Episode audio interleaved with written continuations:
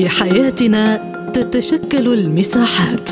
نظل داخلها على اختلاف الثقافات. ولكن في مساحتنا تتحد الغايات. لأننا نغوص في أعماق المجتمعات. فإذا كان لديك وجهة نظر حرة فاهلا بك في مساحة حرة. أهلا بكم مستمعينا الكرام في حلقة جديدة من مساحة حرة وهذه جيهان لطفي تحييكم في مساحتنا اليوم نناقش وقف تمويل الأونروا هل يستهدف تصفية قضية اللاجئين الفلسطينيين؟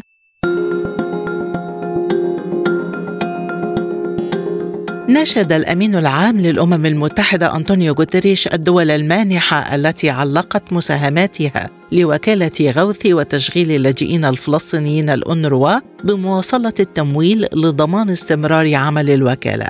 جاء ذلك بعد أن أوقفت الولايات المتحدة وكندا وأستراليا وإيطاليا وبريطانيا وفنلندا وألمانيا وهولندا تمويلها للوكالة إثر مزاعم إسرائيلية بمشاركة 12 من موظفي الوكالة في هجوم السابع من أكتوبر فهل يستهدف وقف تمويل الأونروا تصفية قضية اللاجئين الفلسطينيين حول هذا الموضوع تدور نقاشاتنا في مساحتنا اليوم من مساحة حرة. البداية من غزة مع المتحدث الرسمي باسم أنروا في قطاع غزة السيد عدنان أبو حسنة متحدثا إلى الزميل وائل مجدي. هناك ادعاءات من الجانب الإسرائيلي حول مشاركة 12 موظفا من موظفي الأونروا في أحداث السابع من أكتوبر مفوض الأونروا بعد الاطلاع على هذه الادعاءات والمعلومات قام بإنهاء عقود حوالي ثمانية موظفين الجانب الإسرائيلي يقول أن هناك موظفين اثنين قتلا وهناك اسمين آخرين نحن لا نعرف حتى الآن هل هم موظفين أم لا أو متقاعدين. نقوم بالبحث في هذا الموضوع. الأونروا شكلت شكل المفوض العام للأونروا لجنة تحقيق مستقلة هذه ستبحث في كافة الأمور ومن بينها موضوع الحيادية وأيضا موضوع التحقيق في هذه المزاعم. سيكون أيضا من قبل لجنة الرقابة الداخلية في الأمم المتحدة التي ستحقق في هذه المو... في هذه الموضوع وهذا وهذه المزاعم. بإمكان هؤلاء الموظفين أن يعترضوا على قرار المفوض العام بإنهاء عقودهم ولكن المفوض اتخذ هذا القرار في مصلحة الأونروا وفي مصلحة الخدمات التي تقدم لملايين اللاجئين الفلسطينيين. بالنسبة لإيقاف الدول أو بعض الدول المانحة لتمويل الأونروا على رأسها الولايات المتحدة الأمريكية وألمانيا وفرنسا وإيطاليا وغيرها من الدول التي قامت بتعليق مساعداته هذا حدث خطير للغاية. ومن شأنه أن يؤثر على كافة الخدمات التي تقدمها الأونروا ليس فقط في قطاع غزة ولكن في سوريا ولبنان والأردن والضفة الغربية. وهذا يعني أيضا حرمان 2.3 من عشرة مليون فلسطيني في قطاع غزة. الآن تشكل الأونروا لهم شريان الحياة من الخدمات وسيكون لهذا القرار في حال عدم التراجع عنه تأثيرات على الأمن الإقليمي. التمويل الموجود لدى الأونروا يكفي حتى نهاية شهر فبراير فقط. نحن ندعو الدول المانحة التي علقت مساهماتها المالية إلى العودة عن هذا القرار بسرعة لما له من تأثيرات خطيرة على كافة الأوضاع سواء بالنسبة للاجئين الفلسطينيين أو في المنطقة وبالذات على الاستقرار الإقليمي. ولقراءة أشمل حول إعلان عدد من الدول وقف تمويل الأونروا معنا عبر الهاتف من القدس. الدكتور أمجد شهاب أستاذ العلوم السياسية بجامعة القدس. مرحبا بك معنا دكتور أمجد وبداية ما هو تقييم حضرتك لتوقيت وقف عدد من الدول الدعم لأونروا.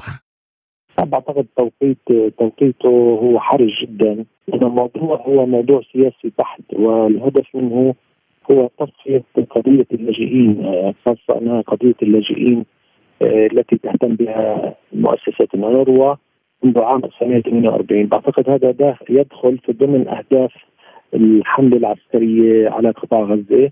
الهدف الأكبر الغير معلن والاستراتيجي هو تهجير السكان وتصفية قضية القضية الفلسطينيه وخاصة آه، القضية قضية آه، قطاع غزة بشكل أساسي من خلال عملية التهجير. الأونروا في هذه الفترة هي آه، هي تلعب دور مهم جدا خاصة في الأوضاع الإنسانية الصعبة والأوضاع الصحية الصعبة. عندما عندما يتخلى الدول في هذه الفترة الحساسة هذا سيضطر السكان في قطاع غزة إلى البحث عن بدائل أماكن أخرى لأن مقومات الحياة تقريبا انعدمت. وأيضا المؤسسات كمؤسسة نروى التي تخدم جزء كبير من سكان قطاع غزة. وهذا هذا يضغط أكثر على السكان في في في بحث عن بدائل أخرى غير مكان قطاع غزة الذي يفتقر لكل مقومات الحياة.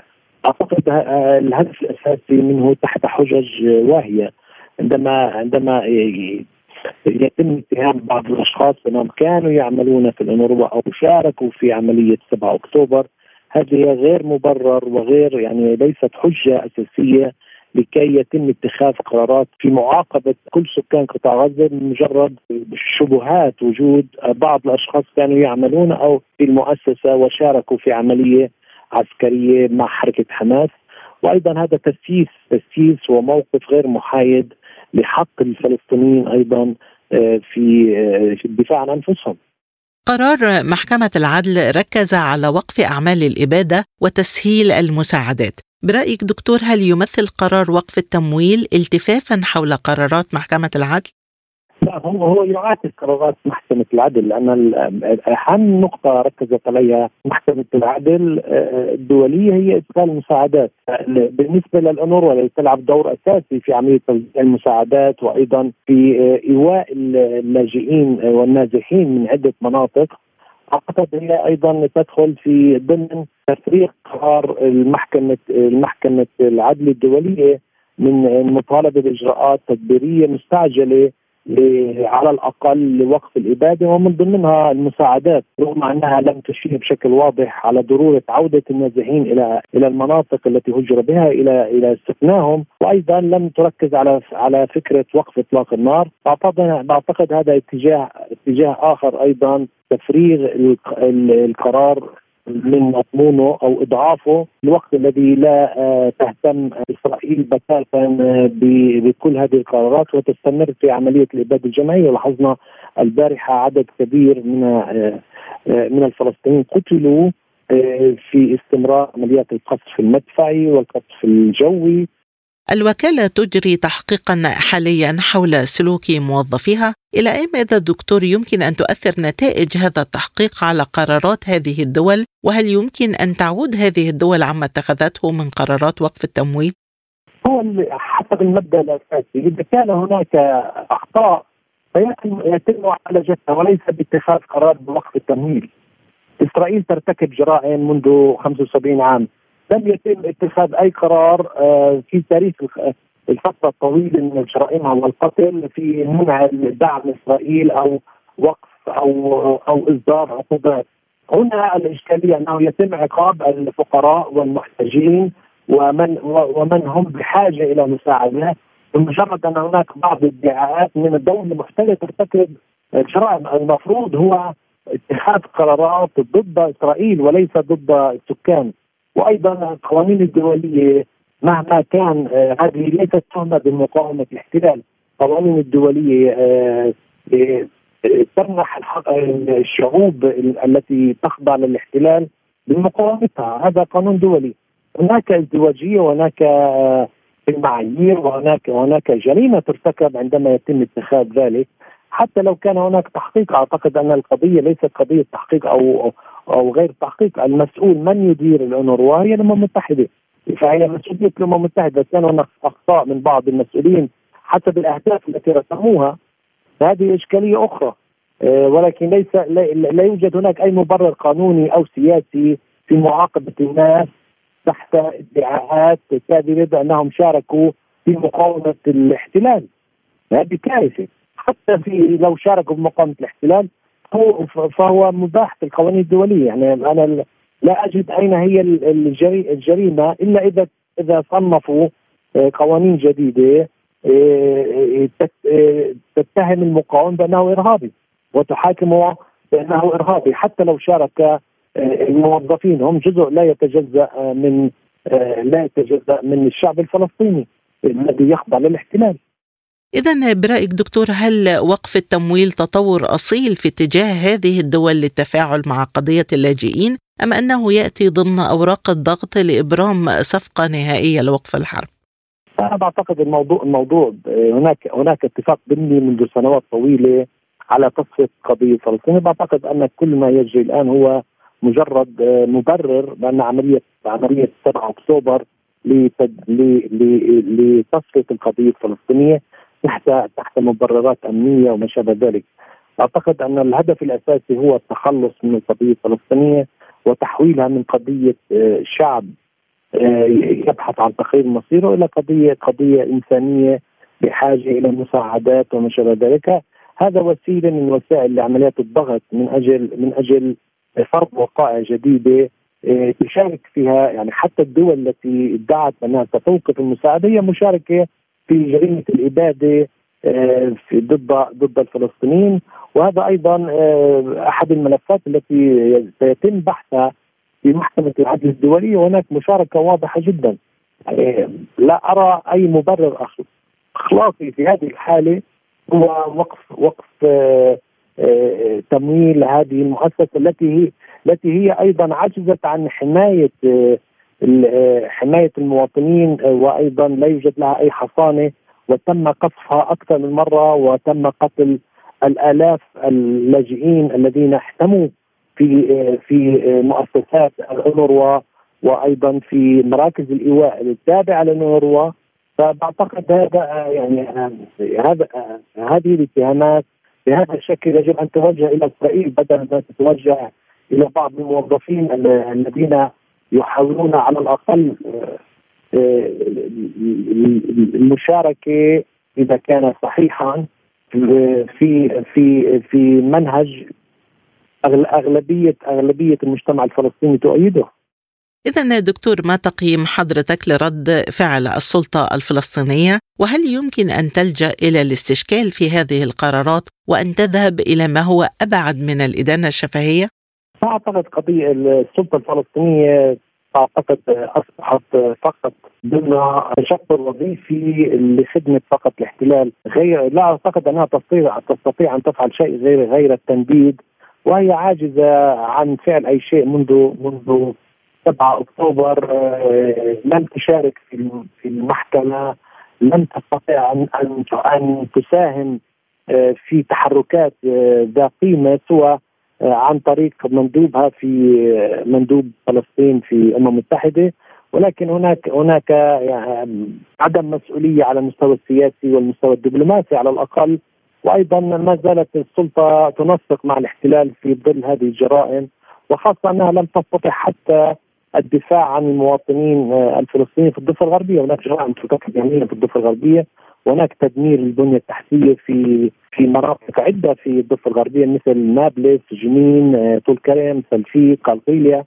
آه، البارحة كان هناك عملية تدمير للبنية التحتية آه، استكمال للتدمير في مدينة جنين والسلطة تقف عاجزة عن فعل أي شيء مشلولة كليا تحت ذريعة أن هناك هناك اتفاقات وما شابه ذلك.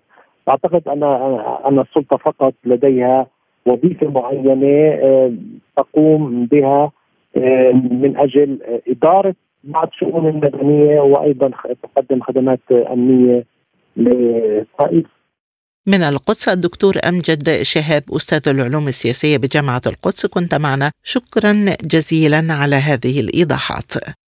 وحول تأثير وقف تمويل الأونروا معنا عبر الهاتف نائب رئيس المركز العربي للدراسات الدكتور مختار غباشي أهلا بك ضيفا عزيزا عبر أثير سبوتنيك دكتور مختار. سؤال حلقة اليوم هل وقف تمويل الأونروا يستهدف تصفية قضية اللاجئين الفلسطينيين؟ وهذا أيضا هو ما قاله الرئيس الفلسطيني محمود عباس.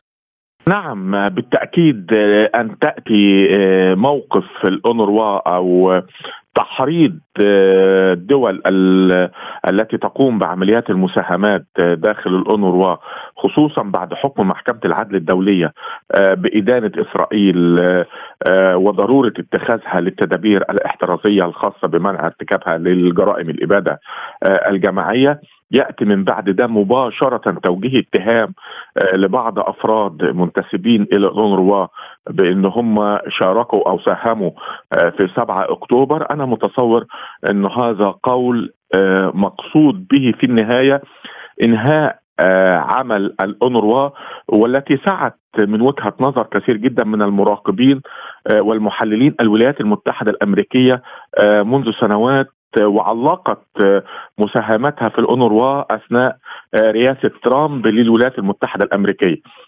فأن يأتي حديث وبسبب حتى إن توفر دلائل على قيام بعض الأشخاص بارتكاب أشياء ما وهي لم توجد ولا يوجد دليل عليها آه ليس معنى ذلك أن توقف الولايات المتحدة الأمريكية إنجلترا كندا آه اليوم اليابان اعلنت أيضا عن تجميد هذا الموضوع ودول أساسية ورئيسية. آه مع الأونروا ده معناها آه إنهاء آه حياة وملف اللاجئين وحق العودة اللي إلى حد كبير جدا أنشئت بسببه آه الأونروا لمراعاة آه أماكن النزوح واللاجئين الفلسطينيين داخل قطاع غزة وخارج قطاع غزة خصوصا في لبنان آه وسوريا والأردن وغيره من هذه الدول. بالحديث عن هذه النقطة دكتور ما الذي جعل الرئيس الفلسطيني يتهم إسرائيل بقيادة حملة ضد أونروا على الرغم من إقرار أمين عام الأمم المتحدة بتورط موظفين في هجوم السابع من أكتوبر وإنهاء المنظمة عمل تسعة أفراد على خلفية هذه التحقيقات. نعم هم وجه اتهام أو شبهة اتهام إلى حوالي 12 آه، تم إنهاء آه، عمل تسعة منهم من قبل آه، السكرتير العام للأمم المتحدة. مش معنى ده أن تتحدث إسرائيل بان هو لا دور للأونروا واجب أن يكون الآن ولا دور للأونروا بعد الحرب. على فكرة إسرائيل تحدثت هذا الحديث أيضا بأنه ما فيش هيكون دور للأونروا بعد هذا الحرب. إحنا عارفين إن جزء كبير جدا من قطاع غزة كان مخصصا لإدارة الأونروا وجزء آه، من المدارس وأماكن آه، تمركز الأونروا تم استهدافها من قبل آه، إسرائيل مخيم جباليا مخيم الشاطئ وغيره من المخيمات الموجودة في داخل قطاع غزة. وهم من اللاجئين والنازحين اللي تم طردهم من أراضي فلسطين بعد 48 مباشرة. وحتى الحديث دار وبدأت التعريفات هل هو اللاجئ الذي خرج آه، بعد 48 ولا هم أحفاده آه، وأولاده اللي ما زالوا جزء منهم على قيد الحياة. فإذا آه، ملف العودة وملف إنهاء قضية اللاجئين أنا أتصور إن هو الحديث الأساسي والسبب الرئيسي لهجوم إسرائيل والولايات المتحدة الأمريكية والدول المساندة لها على الأونروا. وفي هذا التوقيت الحرج والحساس تحديدا في ظل الضغط الدولي والإقليمي على ضرورة دخول مزيد من المساعدات الإنسانية إلى قطاع غزة آه، تأتي إسرائيل ومعها الولايات المتحدة الأمريكية وتتحدث عن اتهام بعض أشخاص منتسبين إلى الأنروا أو إنهاء عمل الأنروا داخل قطاع غزة، ده معناها الحكم بالوفاة. على الكثير آه، من الفلسطينيين داخل قطاع غزة ناهيك عن الدور الأساسي اللي بتقوم به الانروا في هذا النطاق، لكن مطلوب من العالم العربي من وجهة نظري ودي مسألة كانت محل تحليل مني أنا شخصيا امبارح آه، في إحدى وسائل الإعلام إنه مطلوب من العالم العربي سريعا أن يوفر بديل من داخله يستطيع أن يمد عمل الأونروا أو أن يعوض هذه المنظمة الفاعلة. آه، فيما تحتاجه من أموال ومن مخصصات مالية. إذا دكتور هل هذه التطورات تندرج تحت بند أوراق الضغط ضمن مساعي التسوية الحالية؟ وهل هذه الورقة قابلة لإلغائها من طاولة المفاوضات؟ أروقة المباحثات والضغوط تمارس اجتماع أمس في باريس عن طريق رؤساء أجهزة الاستخبارات في دول أساسية وفاعلة في هذا النطاق منهم الولايات المتحدة الأمريكية منهم رئيس الشباك والموساد في الداخل الإسرائيلي منهم القطري منهم رئيس المخابرات المصرية وغيره لضروره الوصول إلى حل لكن ما زالت الفجوة واسعة بين إسرائيل وما بين المقاومة الفلسطينية.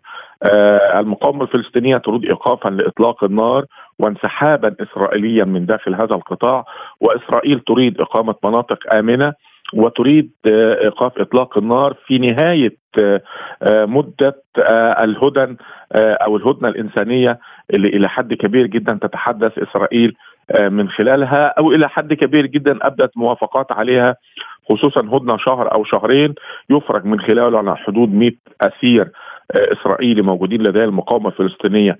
وتكون الأولوية للأطفال والنساء والسيدات والكبار آه ثم بعد ذلك يكون هناك حديث عن إيقاف إطلاق النار. المقاومة الفلسطينية لا تريد أن تكرر التجربة السابقة يوقف إطلاق النار لمدة أسبوع ثم تبدأ إسرائيل استعدادات ثم تمارس هذه المجازر الدموية وهذه الإبادة التي مارستها إسرائيل داخل قطاع غزة وهو أمر إلى حد كبير جدا من خلاله المقاومة الفلسطينية تريد ضمانات آآ آآ على الأقل من قبل الوسطاء بضرورة التقيد الإسرائيلي بالإيقاف الكامل لإطلاق النار. ودي الفجوة الكبيرة الموجودة ما بين الطرفين فإسرائيل تستخدم أسلحة كثيرة جدا في هذا النطاق. أنا متصور إنه أهم سلاح بجانب سياسة التجويع والحصار والتقييد على الكثير من دخول المساعدات الإنسانية بدء مهاجمة الأونروا وهي القائمة على رعاية تقريبا أكثر من ثلثين الموجودين داخل قطاع غزة.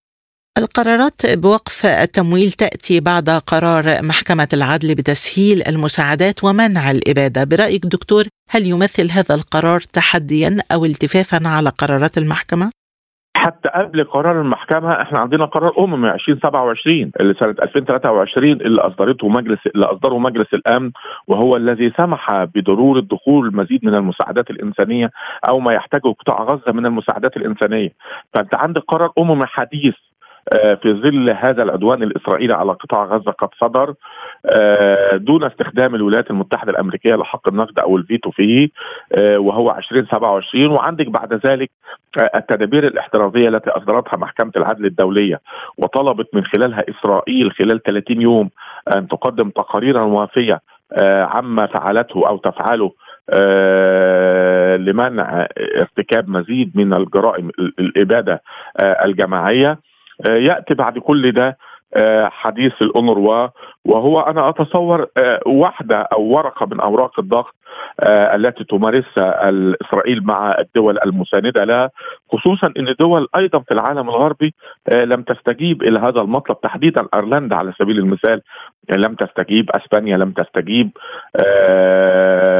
ففي دول أساسية أيضا ورئيسية لم تستجيب لهذه الضغوط لكن معرض آه الأمر للتأثير البالغ خصوصا الدول التي علقت مساهمتها آه في الانروا دول أساسية ورئيسية وتزيد يوم بعد يوم بحكم الضغوط الأمريكية الإسرائيلية آه عليها، الأمر على المحك والمنظمة الدولية أصلا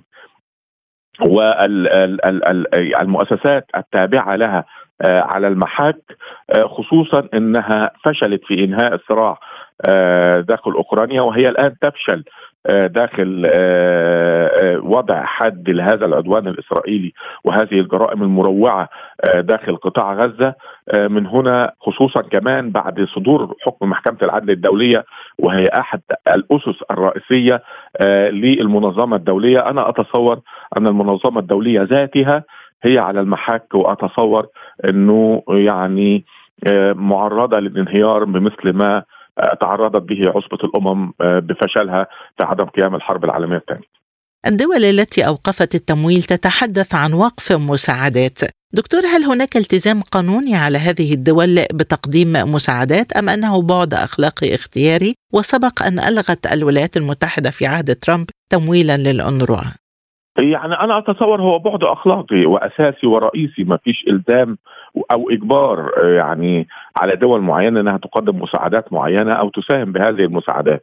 لكن دي إحدى المؤسسات التي انبثقت عنها المنظمة الدولية. ومن واجب الدول الكبيرة والدول صاحبة التأثير أن تنجح أو أن تساعد في نجاح هذه المؤسسات. لما بنتحدث على على الأونروا تحديدا الأونروا خلقت لرعاية اللاجئين والنازحين خصوصا الفلسطينيين بعد 48 وهي منظمة قائمة وإلى حد كبير جدا تقدم جهد وفير لرعاية هؤلاء اللاجئين والنازحين لحين حق العودة أو لحين العودة أو لحين حل المعضلة الفلسطينية بالحديث في هذا التوقيت بالذات وفي ظل هذه الحكومة المتطرفة التي ترى أنه لا أمل في وجود هذه الدولة مستقبلا.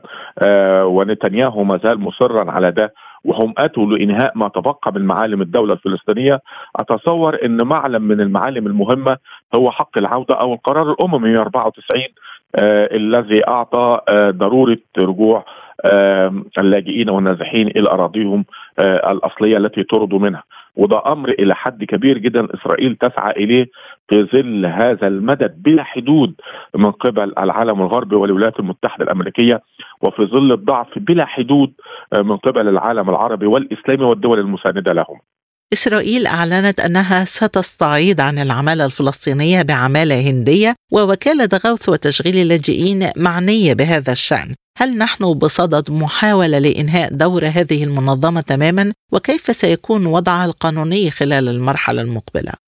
كثير من المؤسسات التابعة للمنظمة الدولية على المحك. المنظمة الدولية ذاتها في موضع اختبار صعب في هذا التوقيت بالذات لأنه واضح بأنه قدرة الدول الكبيرة ومصالحها أصبحت لها تأثير بالغ على عمل هذه المؤسسات وعلى قدرة هذه المنظمة في أنها تقوم بدورها. الفاعل والفعال في الكثير جدا من مناطق الصراع الموجودة على مستوى العالم. ومن أهمها ومن ضمنها هذا العدوان الإسرائيلي على قطاع غزة. فوكالة غوث وتعيين اللاجئين إحداها مهمة، الاونروا مهمه، محكمة العدل الدولية ذاتها على المحك في حالة صدور قرارها وعدم تنفيذه من قبل إسرائيل وتشجيع الولايات المتحدة الأمريكية لها على ذلك ده كله هدم لكثير من مؤسسات هذه المنظمة التي أنشئت بعد الحرب العالمية الثانية وكان غرضها الأساسي الحاكم هو الحفظ على الأمن والسلم الدوليين ومنع وجود أي صراعات تستطيع أن تؤثر على هذا السلم والأمن الدوليين.